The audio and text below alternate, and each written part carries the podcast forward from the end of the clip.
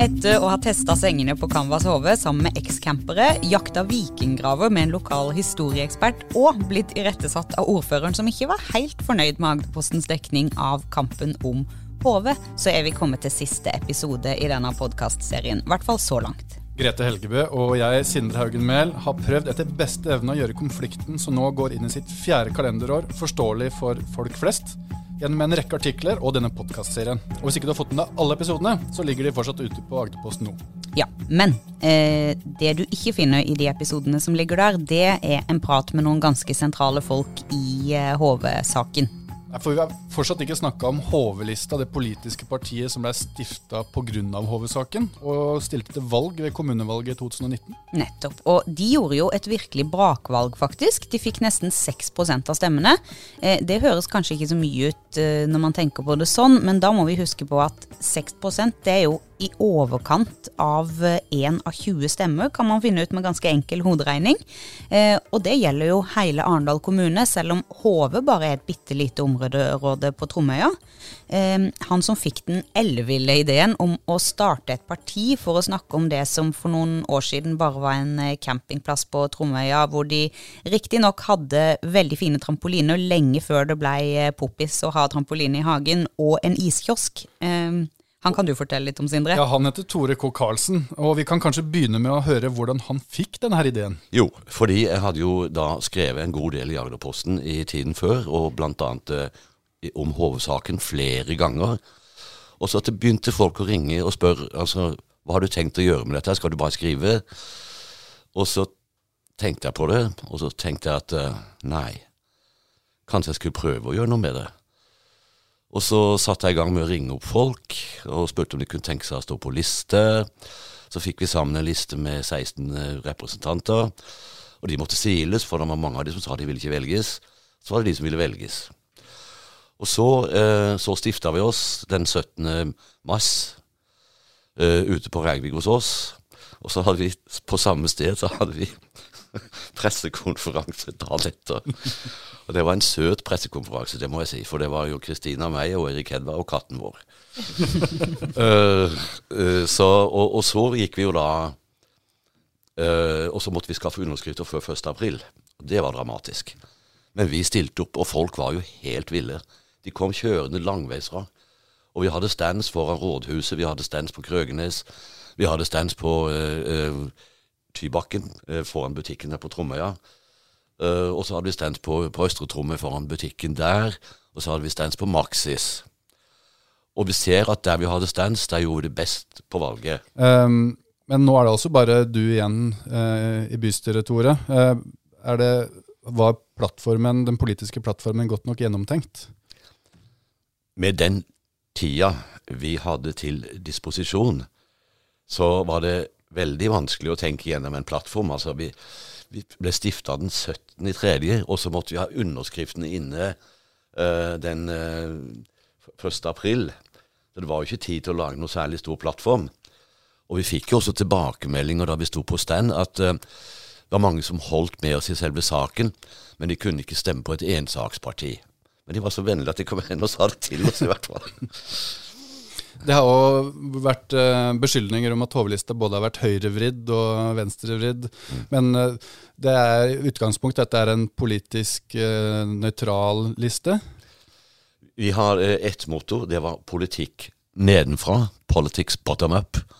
det var det ene. Og vi skulle være pragmatiske. Og skulle vi, vi, skulle ikke ta parti verken for høyre- eller venstresida.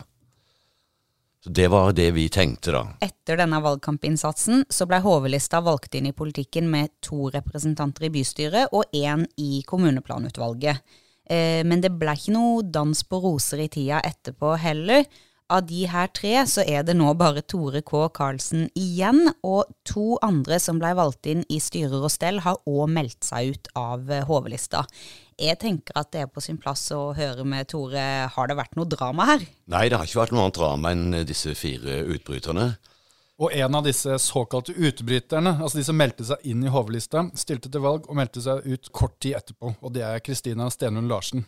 Hun er også med oss her i dag. Men sjøl om hennes karriere i Hovlista ble veldig kort, så beskriver hun det som et lite eventyr, og hun angrer ikke på at hun ble med. Nei, på ingen som måte, og det er veldig eh, riktig som Tore beskriver. Det var fantastisk. Og jeg syns det er viktig å legge til én ting. Når det var 12,8% av stemmene på Tromøya som gikk til Hovlista, så gikk ikke det ved bekostning av de andre partiene. Så det Hovlista skapte et engasjement som gjorde at folk som ikke hadde stemt tidligere, gikk og stemte. Det er utrolig viktig. Så det forteller noe om at denne saken den handler ikke bare om kampen for HV og natur og miljø, men det handler om kamp for demokrati. Og jeg tror at veldig mange har satt passive og ventet på det initiativet som Tore tok, som han har veldig stor ære for, som var utrolig viktig demokratisk initiativ han tok, og som folk svarte på. Og det svaret, det ser vi fremdeles er der. Så det syns jeg er veldig viktig å fremheve, at HV-saken uh, den er viktig for demokratiet vårt. Tore, kommer HV-lista til å stille til valg, i kommunevalget i 2023? Ja, det gjør den. Men eh, det er ikke sikkert det blir noe navn HV-lista.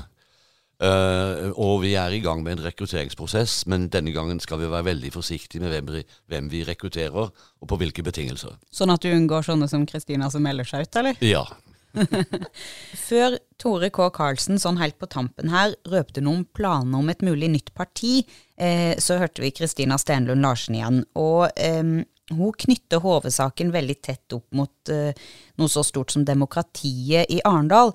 Og det sier jo kanskje noe om hennes motivasjon for å jobbe så hardt for alle disse her uh, prinsippene om f.eks. habilitet og byggeforbud, som hun snakker veldig, veldig mye om.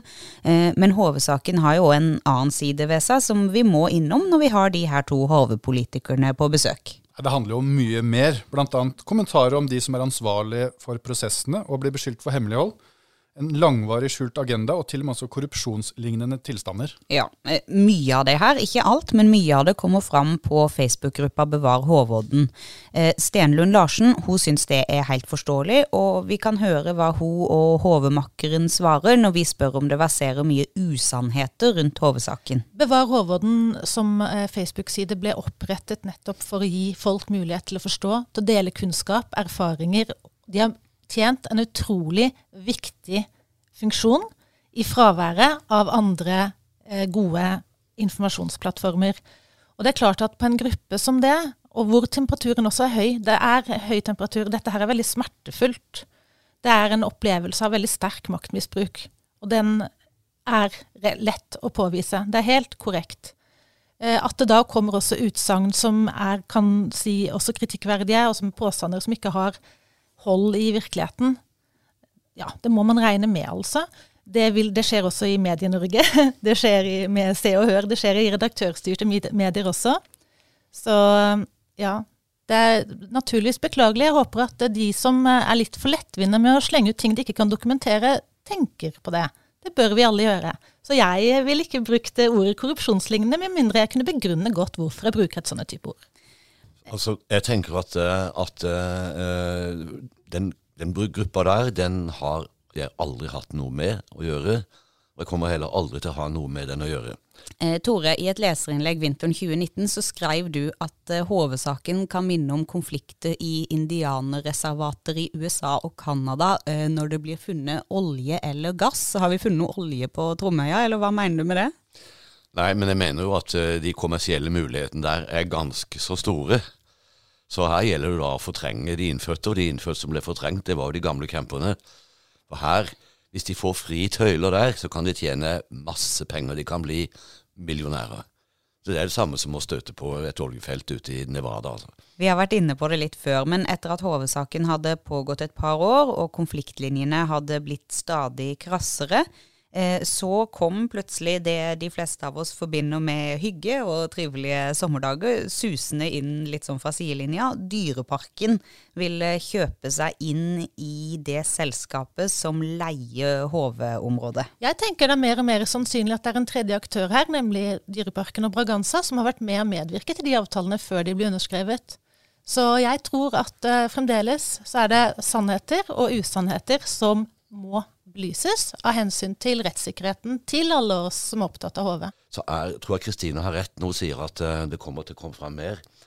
Jeg bare studert den kontrakten. Uh, da man, da man endra aksjesammensetningen. Og der er jo så mye som er sladda i den kontrakten. både summer for salg og, og, og tidsfrister og alt mulig. Og da påberoper de seg aksjeloven. Uh, så det har de lov til å gjøre da, for det er forretningshemmelighet. Men, uh, men uh, den dagen det skjer, så må det jo komme for dagen. Og da, da tror jeg vi, får, vi, vil få se også en del ting som, som, ikke tåler dagens lys. Hva tenker du på da? Nei, Jeg tenker på kanskje at det har vært en, en, forhåndsav, en forhåndsavtale om salg til, til Dyreparken. Og eh, det HV-politikerne sier her, det må vi stoppe opp ved litt. Grann. Eh, fordi det er jo en påstand som legger beskyldninger over på ganske mange parter. Eh, hvis det stemmer, som Kristina Stenlund Larsen sier, at Dyreparken var en hemmelig samarbeidspartner i flere år, så er jo faktisk det noe både HDU, Dyreparken og Canvas-driverne måtte ha vært involvert i. Um, i etterkant av det intervjuet du hører med Kristina Stenlund Larsen og Tore K. Karlsen her, så har vi gått tilbake og bedt eh, Larsen om å fortelle hva de baserer denne påstanden på, men hun har ikke klart å vise oss noen dokumentasjon på at det stemmer. Men Stenlund Larsen eh, står fast ved at hun hevder etableringen av Canvas HV i 2018 var planlagt og skissert av interesser som ønsker å kommersialisere området. Og hun sier til oss Måten partene har opptrådt på, gjør det vanskelig å identifisere avtalene med de samme personene, men det er umulig å vite hva som er sant og usant fordi HDU hevder å ikke være omfattet av offentlighetsloven. Mm, og da slo jo Sivilombudet fast i fjor høst at eh, på dette punktet vedrørende avtalen med Dyreparken, så kan de benytte et unntak som handler om konkurransevirksomhet, fordi at eh, næringslivet de må få lov å ha noen hemmeligheter om eh, avtaler de inngår. Eh, og derfor så, så, er det bestemt at HDU ikke er omfatta av offentlighetsloven her, selv om Kristina Stenlund Larsen sier at de hevder det, da. Det stemmer. Eh, Stenlund Larsen sier videre uh, at det ikke er troverdig at det bare er de opprinnelige partene som står bak avtalen. Det er ikke sannsynlig at avtalenes punkter om tilbakekjøp av bygninger er utformet fordi Fasting og Haugerud kun ønsket å sette opp et par telt. Dette er bare ett blant flere punkt som peker i retning av at avtalene allerede fra start var utformet for å ivareta større og mer profesjonelle aktørers langsiktige interesser, skriver Stene Larsen i en e-post til oss. Ja, eh, og da er vi jo nødt til å høre hva de partene som blir beskyldt for å ha hemmeligholdt eh, Dyreparken som en aktør i dette her sier. Og vi kan begynne med sjefen i Dyreparken, Per Arnstein Aamodt, som vi har snakka med tidligere i denne podkasten. Eh, han kaller Larsen sin påstand rent oppspinn. Um, og Vebjørn Haugerud og Jan Fasting, som eier og driver Canvas, de sier at de møtte Dyreparken-eier Per Bråten første gang i 2018. Og Per Bråten han har vi ikke snakka så mye om tidligere i denne podkasten, men han eier nesten alle aksjeandelene i Dyreparken gjennom selskapet som heter Braganza. Haugerud og Fasting de sier også at ikke snakka om drift på HV i 2018. Da var det bare Bråten som var invitert opp på det andre hotellet de har, i Nissedal, for å knytte kontakt. Samtalen om Dyreparken sier de at skjedde en god stund etterpå. Daglig leder i HDU, Terje Stalleland, han sier at han først fikk vite om samarbeidet med Dyreparken i 2020. Ja, men vi kan gå litt nærmere inn på dette med Stalleland og Dyreparken. Fordi han er helt ærlig på at Dyreparken er en helt sentral aktør i reiselivet på Sørlandet. Og så lenge han kan huske, så har HDU vært interessert i å samarbeide med Dyreparken, og for han er det litt sånn selvfølgelig at det er en drømmesamarbeidspartner for eh, reiselivsaktører på Sørlandet. Eh, og så sier han at gjennom et felles reiselivsforum som het Camping Sørlandet, der var det ikke snakk om noe drift av campinga, men det var samtaler om en felles bookingløsning. Eh, det var tolv medlemmer i Camping Sørlandet, og to av de var Dyreparken og HV, eh, altså HDU sitt campingselskap. Um, så det var ikke noen direkte forhandlinger, sier han, og det endte ikke opp med en løsning, men de var involvert i samme prosess der. Eh, han sier at dette skjedde mellom fem og sju år siden, og han mener òg at det har veldig liten relevans for saken.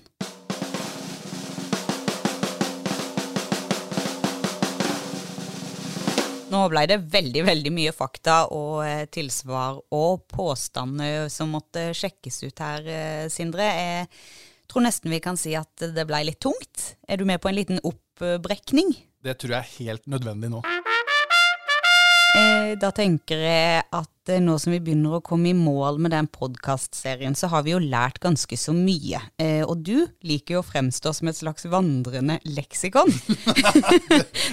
det var dine ord. og derfor så tenker jeg at det er på høy tid at jeg inntar quizmasterstolen, som du har sittet i tidligere, og så kan jeg teste du i en liten hovedgloseprøve. Er du klar? Dette kan jo aldri gå godt. Sindre, hva står HDU for? HV drifts- og utviklingsselskap.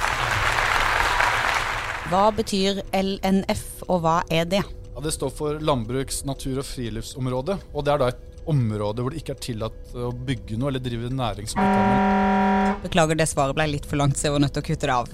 Hva er en servitutt? Ikke det samme som serviett, i hvert fall. Det var første de gangen jeg skulle skrive om det, så trodde jeg det var en serviett. Nei, det er altså en heftelse på en eiendom som begrenser eieren sitt bruk av området. Eller eiendommen, da. Og Kristina Stene Larsen og mange av LNF-tilhengerne de mener f.eks. at en salgsavtale fra 1939 med en klausul om byggeforbud fortsatt skal gjelde, men det mener ikke kommunen.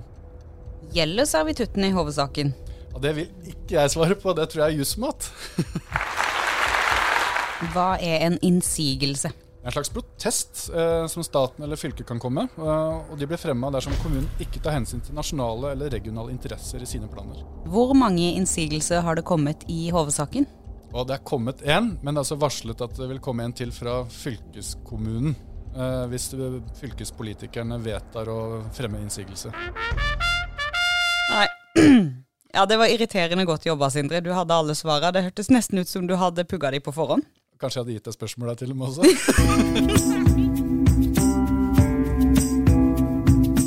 Det er ikke bare de med ansvar for prosessen som får kritikk i hovedsaken. Det får også vi som dekker den. Eh, Vi blir beskyldt for å velge side i artiklene vi skriver.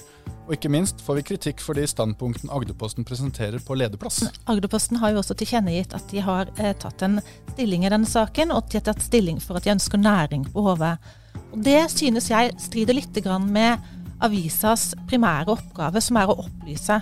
Fordi det er uavklarte spørsmål for hvorvidt dette området egentlig eh, skal være omfattet av næring. Og jeg mener jo at det, det spørsmålet bør først utredes og granskes tilstrekkelig for at man kan eh, treffe det standpunktet. For det er jo det vi anser som svært lite sannsynlig med de avtalene som er blitt inngått her på dette området.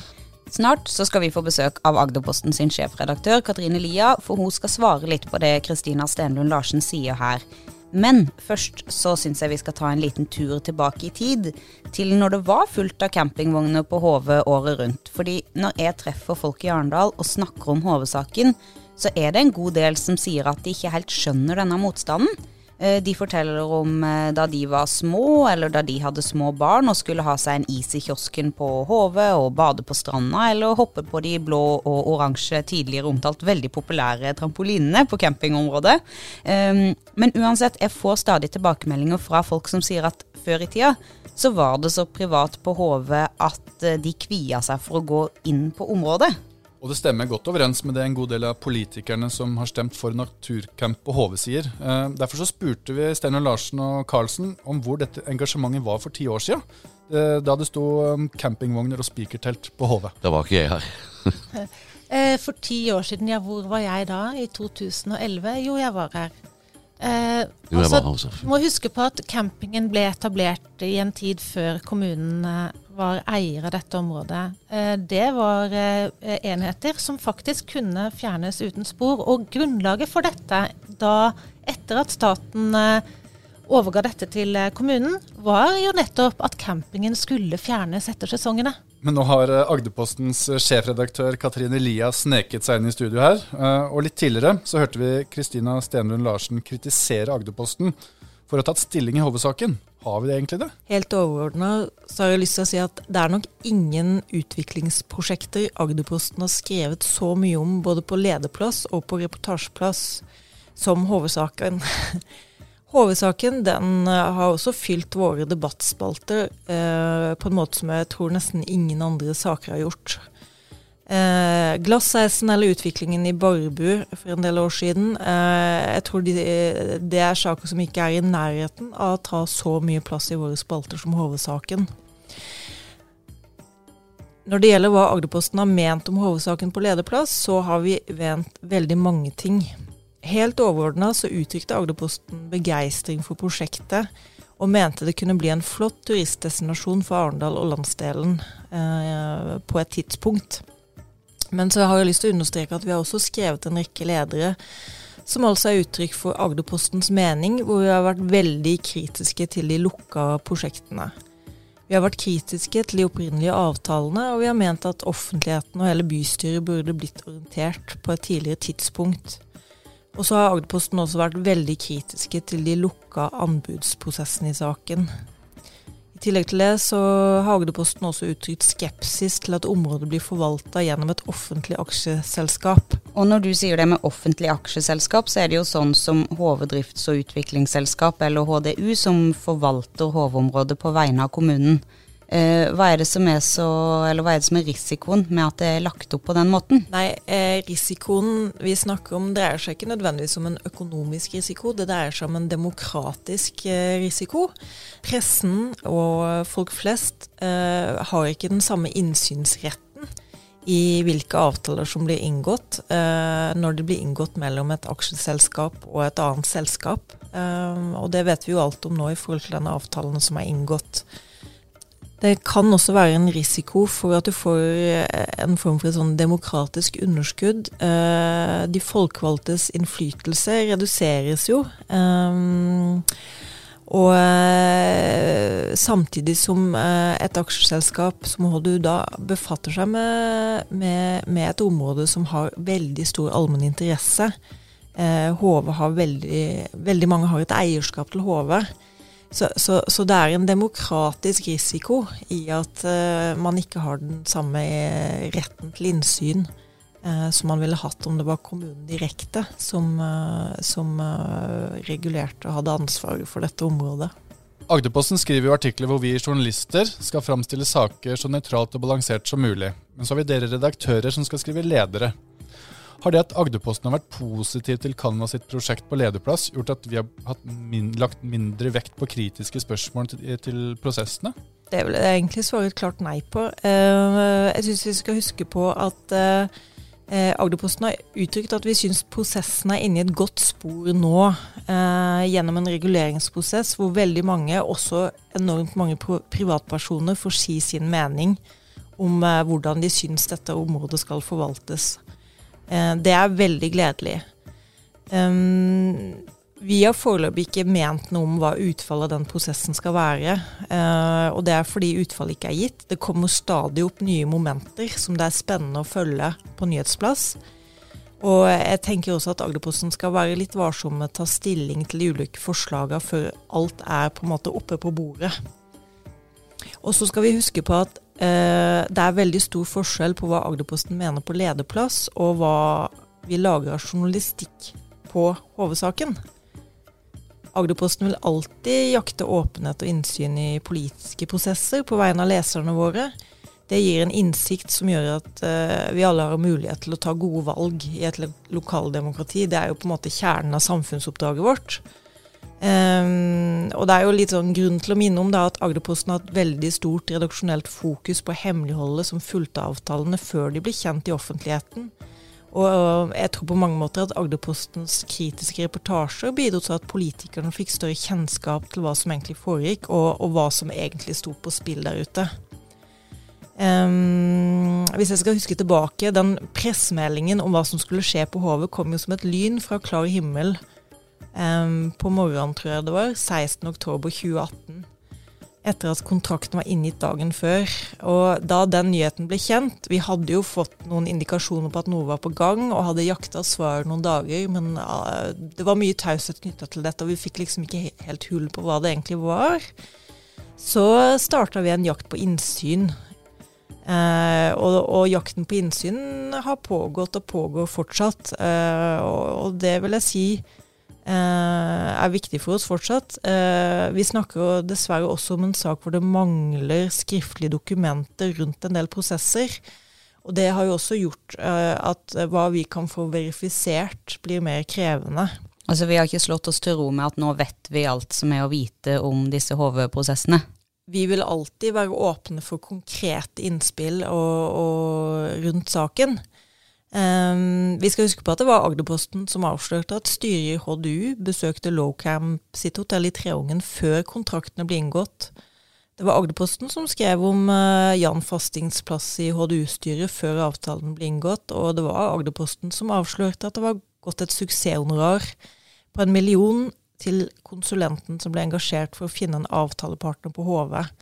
Og alt dette har vi jo skrevet om på nyhetsplass, selv om vi også har ment ting eh, på lederplass eh, rundt dette med at det kunne, i hvert fall på det tidspunktet, være spennende med Eh, et kommersielt selskap på HV. Disse tinga du forteller om her, de var jo ikke åpne fra start. Det var noe man måtte jobbe ganske hardt Det var noe Agderposten jobba hardt for å få frem. Ja, og Hvordan mm. tenker du at det har prega prosessen frem mot i dag?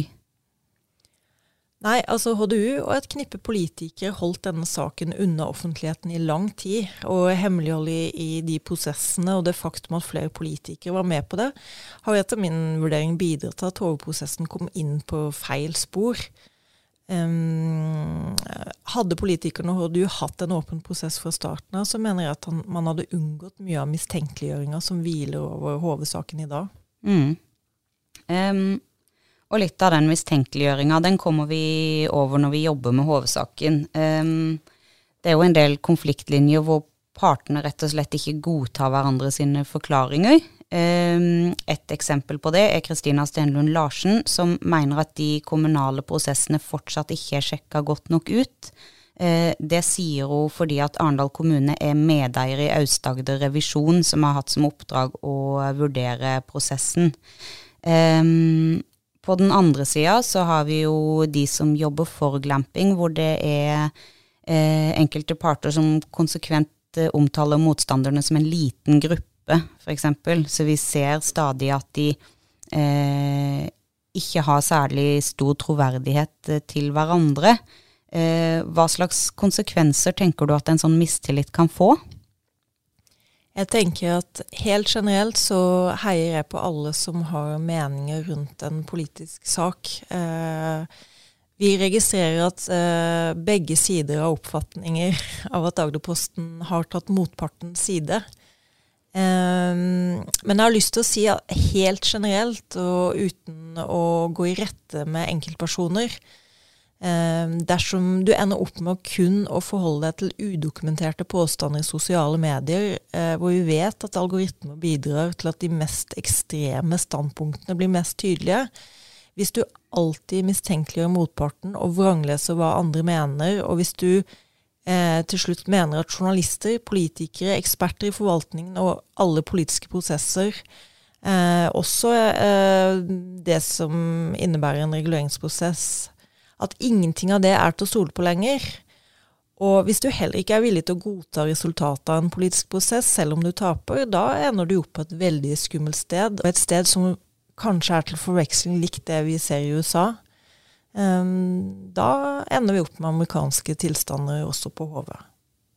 Og Da passer det godt å hoppe videre til det neste spørsmålet vi har stilt Kristina uh, Stenund Larsen og Tore Karlsen, eh, nemlig om det pågår en krig på HV. Carlsen han mener at det riktige svaret er mer i retning av et kupp. Jeg vil ikke si det er noen, det er noen krig, men det er eh, regissert et ganske godt forsøk på å la næringsinteressene få lov å overta eh, det som tidligere var campingplassen. Det er jo ikke tvil om at eh, der er det en prosess i gang. og Sjøl har jeg store problemer med å forstå bakgrunnen for at Arbeiderpartiet skal være det partiet som bruker partipisk her, og, og, og, og er det partiet som som skal fremme privatisering og næring, altså i stedet for å, å gå ut til folk og, og innfri, innfri, folks interesser av et sånt område som alle vet jo at det er et unikt område. Å gi det bort for, for 45 år, det, det, det, det går over min fatningsevne, rett og slett. Ok, for vi leiter jo etter riktige ord her. Er det krig, er det kamp? Men på du så syns jeg nesten høres ut som et kupp. Er det et næringskupp? Er forsøk på et kupp, ja. Det var bra sagt. Og her må vi igjen lese opp det vi journalister kaller for et tilsvar. Fordi Carlsen han kommer med noen påstander om at Arbeiderpartiet ikke jobber for det flertallet vil, og at de bruker partipisk i hovedsaken. Så vi har ringt eh, Atle Svendal fra Arbeiderpartiet for å høre om han vil svare på det, og det vil han. Han sier at Larsen og Carlsen legger litt for mye i utspill fra det han mener er en ganske liten gruppe mennesker. Han poengterer at Facebook-gruppa Bevar Håvåden er en lukka gruppe, og sier at de folka som er med i den, eh, godt kan innbille seg at flertallet vil ha Hove som friområde, men sånn tror ikke han det er. Han sier òg at Arbeiderpartiet ikke bruker partipisk i denne saken, men at de har drøfta seg frem til en enighet i partiet gjennom hele tre runder på prosessen. Tidligere så har vi snakka om beskyldninger om korrupsjonslignende tilstander, anklager om trumpisme og det mye omtalte søksmålsvarselet fra Jan Fasting.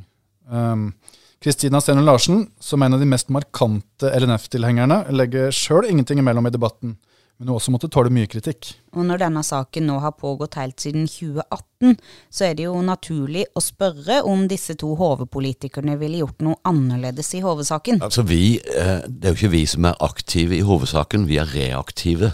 Ja, men er det noe dere ville gjort annerledes? Eh, Jeg opplever at vi er aktive i hovedsaken, og eh, vi som Den har fått en ny aktualitet. Eh, Vi har gravd og dunka og banka på dørene hele tiden, og håper vi har bidratt litt til at den har fått ny aktualitet. Men